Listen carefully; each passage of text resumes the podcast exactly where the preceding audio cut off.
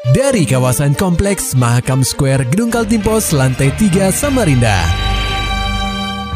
96,8 KPFM Kita akan ikuti program KP Flash News.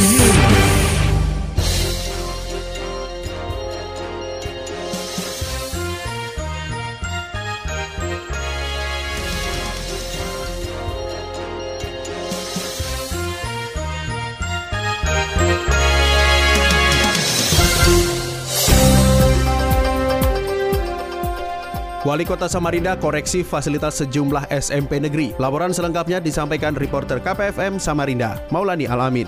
Pendengar KP, dalam tinjauan penerimaan peserta didik baru atau PPDB beberapa waktu lalu, Wali Kota Samarinda Syari Jaang juga mengoreksi fasilitas sejumlah sekolah menengah pertama atau SMP yang dikunjungi. Jaang mengungkapkan, ada sekolah yang memiliki banyak murid, namun ruang belajarnya tidak mencukupi, sehingga perlu adanya penambahan beberapa ruang kelas. Kendati demikian, ada pula sekolah yang mempunyai kebijakan baru, seperti menggelar kelas terbuka karena halaman sekolah yang luas. Dalam kesempatan itu juga, Jaang memuji salah satu sekolah yang memiliki halaman dan ruang kelas yang cukup bersih. Nah, dari peninjauan ini, saya akan buat kebijakan-kebijakan di perubahan ini akan memberikan perencanaan pembangunan di SMP 37 dan perencanaan secara totalitas di SMP 40 kita akan bangun SMP 40 itu tahun depan. Dan di SMP 8 kita akan renov ya. Pak Barlin ya saya minta direnovasi itu kan banyak bocor di rehab di sana. Dan sini mungkin halamannya dengan jalannya nanti kita akan lihat apalagi yang bisa dibantu. Jadi jadi saya hari ini alhamdulillah atas izin Allah uh, banyak hal yang bisa kita perbuat di perubahan dan juga di Purni 2020. Dalam lawatannya, Wali Kota Samarinda Syarijang mendatangi SMP Negeri 37 di Jalan Kiai Haji Ahmad Dahlan. Selanjutnya di SMP Negeri 35 di Jalan Pirus, kemudian ke SMP Negeri 40 di Jalan Slamet Riyadi. Setelah beberapa sekolah di bagian kota, Jaang melanjutkan kunjungan ke wilayah Samarinda seberang dan langsung mengarah ke SMP Negeri 8 Jalan Patimura. Dan terakhir, di SMP Negeri 36 di Jalan Kiai Haji Harun Napsi. KPFM Samarinda, Maulani Alamin melaporkan. Berita selanjutnya, pegawai negeri sipil atau PNS honorer di lingkungan Pemkot Samarinda dipastikan mendapat tunjangan hari raya atau THR pada Senin 27 Mei 2019. Hal ini disampaikan Sekretaris Daerah Kota Samarinda, Sugeng Khairudin, belum lama ini. Sugeng mengatakan pegawai honorer yang mendapat THR termasuk pegawai tidak tetap harian atau PPTH dan pegawai tidak tetap bulanan atau PPTB. Dia menyebut dana THR tersebut akan didistribusikan melalui Badan Pengelola Aset Keuangan Daerah atau BPKAD. Ya sebanyak jumlahnya dikali berapa yang biasanya itu.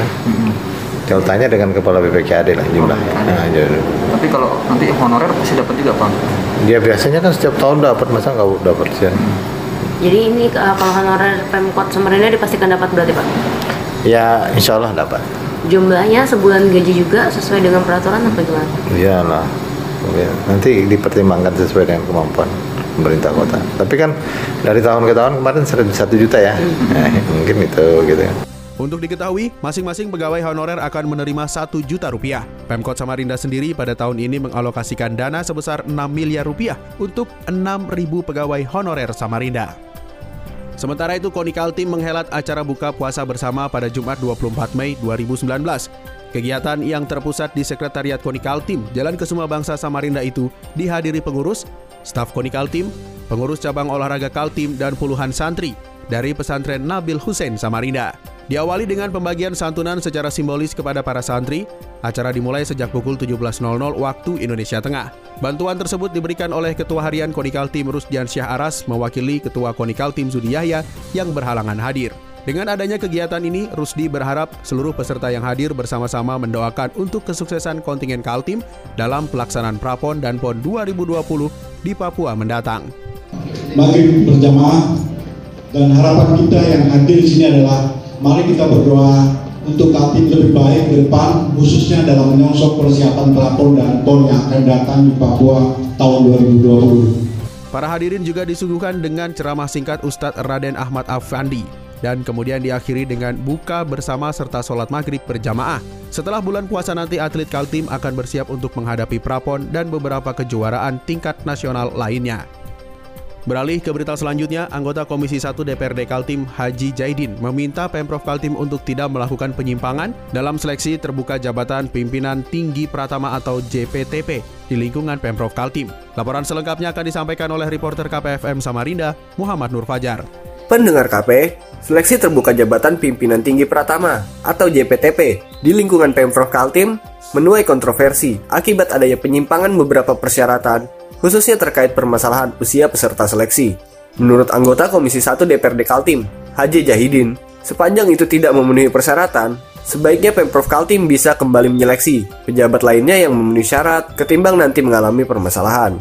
Jahidin menuturkan, jika saat pengumuman hasil seleksi nanti terbukti ada aturan yang dilanggar, maka ini akan menjadi perhatian bersama dan pihak lain juga akan komplain karena masih banyak pejabat yang memenuhi syarat serta lebih mumpuni namun justru tidak masuk dalam seleksi JPTP. Jahidin menjelaskan, sesuai dengan surat edaran dari Kementerian Pendayagunaan Aparatur Negara dan Reformasi Birokrasi atau Kemenpan RB, usia maksimal pejabat yang mengikuti seleksi JPTP adalah 56 tahun.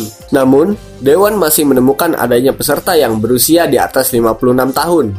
Jika hal ini dibiarkan, Jahidin mengatakan Hasil seleksi terbuka JPTP ini dapat dianggap cacat juridis dan menimbulkan persepsi yang lain oleh masyarakat, sehingga pihaknya menghindari hal tersebut. Pada prinsipnya sih, kalau menurut saya sepanjang itu tidak terpenuhi persyaratan, kan masih banyak pejabat yang lain yang lebih memenuhi syarat. Ketimbang bermasalah di belakang hari, karena kalaupun toh lulus nanti ternyata ada salah satu aturan yang ditabrak, ini kan perlu menjadi perhatian bersama karena pasti menjadi masalah. Yang kemudian pasti pihak lain akan mengkomplain karena masih banyak yang memenuhi syarat. Banyak yang lebih mumpuni. Mengapa mesti dipaksakan yang tidak memenuhi syarat? Lebih lanjut Jahidin mengharapkan Pemprov Kaltim harus mengakomodir peserta yang memenuhi syarat. Dirinya juga menambahkan jika ada pengaduan yang masuk terkait seleksi JPTP ini, maka pihaknya akan memanggil pihak terkait untuk memberikan jawaban dan keterangan mengenai hal tersebut. KPFM Samarinda, Muhammad Nur Fajar melaporkan. Pendengar KP guna menekan kasus kekerasan dan pelecehan seksual baik terhadap anak-anak maupun perempuan. Dinas Kependudukan Pemberdayaan Perempuan dan Perlindungan Anak atau DKP 3A Kaltim akan melakukan penanganan kasus tersebut melalui lintas sektor. Kepala DKP 3A Kaltim Halda Arsyad mengatakan hal ini dilakukan karena pemerintah tidak bisa bekerja sendiri untuk menangani kasus ini, sehingga pihaknya mencoba untuk menggandeng kepolisian, lembaga swadaya masyarakat atau LSM, serta organisasi sosial lainnya. Halda menuturkan mereka inilah yang sering terjun ke lapangan dan lebih mengetahui kondisi lingkungan masyarakat. Adanya pembagian tugas ini membuat koordinasi antar setiap instansi bisa lebih baik, sehingga penanganan kasus seperti ini bisa pihaknya ikuti sampai dengan selesai. Halda mengungkapkan, berdasarkan data yang pihaknya terima, tercatat sampai bulan Mei 2019 sudah ada 163 kasus kekerasan yang melibatkan anak-anak dan perempuan. Bahkan untuk kasus kekerasan dan pelecehan seksual terhadap anak-anak didominasi oleh anak perempuan. Untuk penanganan kasus-kasus kekerasan baik itu pelecehan seksual ya terhadap perempuan maupun anak itu memang kita sudah punya gugus tugas dengan SK gubernur jadi eh, dengan gugus tugas itu kita melakukan lintas sektor, penanganannya itu lintas sektor karena kita sendiri pun tidak mampu ya kalau pemerintah. Jadi kita juga mengkaitkan Polres, eh, apa namanya rumah sakit, stakeholder, stakeholder ya, rumah sakit, terus kemudian eh, teman-teman di LM, organisasi sosial, hmm. karena kan mereka yang suka terjun ke bawah, yang hmm. banyak tahu tentang kondisi. Nah dengan gugus tugas itu koordinasi kita lebih bagus sehingga penanganan kasus-kasus bisa kita ikuti sampai selesai. Lebih jauh, Halda menginginkan agar perlindungan terhadap anak-anak ini bisa lebih ditingkatkan kembali.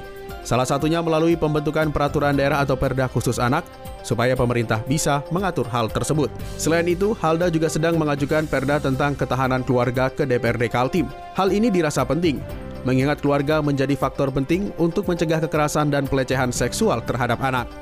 Pendengar KP, memeriahkan semarak bulan suci Ramadan, main Astra Motor Samarinda menggelar Honda Ramadan Fest 2019 yang berlangsung dari tanggal 25 sampai 26 Mei 2019 bertempat di Big Mall Samarinda. Mengusung tema inspirasi satu hati Ramadan. main Astra Motor Samarinda mengemas kegiatan ini dengan berbagai aktivitas menarik dan penuh makna untuk berbagai kalangan usia, mulai dari anak-anak hingga dewasa. Manajer marketing main Astra Motor Samarinda, Antovani Justisia mengatakan, dengan adanya kegiatan ini, seluruh masyarakat khususnya bagi umat Islam dapat mengisi bulan Ramadan dengan kegiatan positif yang bermakna dan inspiratif. Ya, ini kan sebenarnya uh, salah satu kegiatan kita dalam memperingati apa ibadah bulan suci Ramadan karena ini acara event sebenarnya event nasional jadi hampir di seluruh Indonesia kita uh, All Men Honda melakukan acara ini sebagai bentuk uh, kita memeriahkan kegiatan bulan suci Ramadan.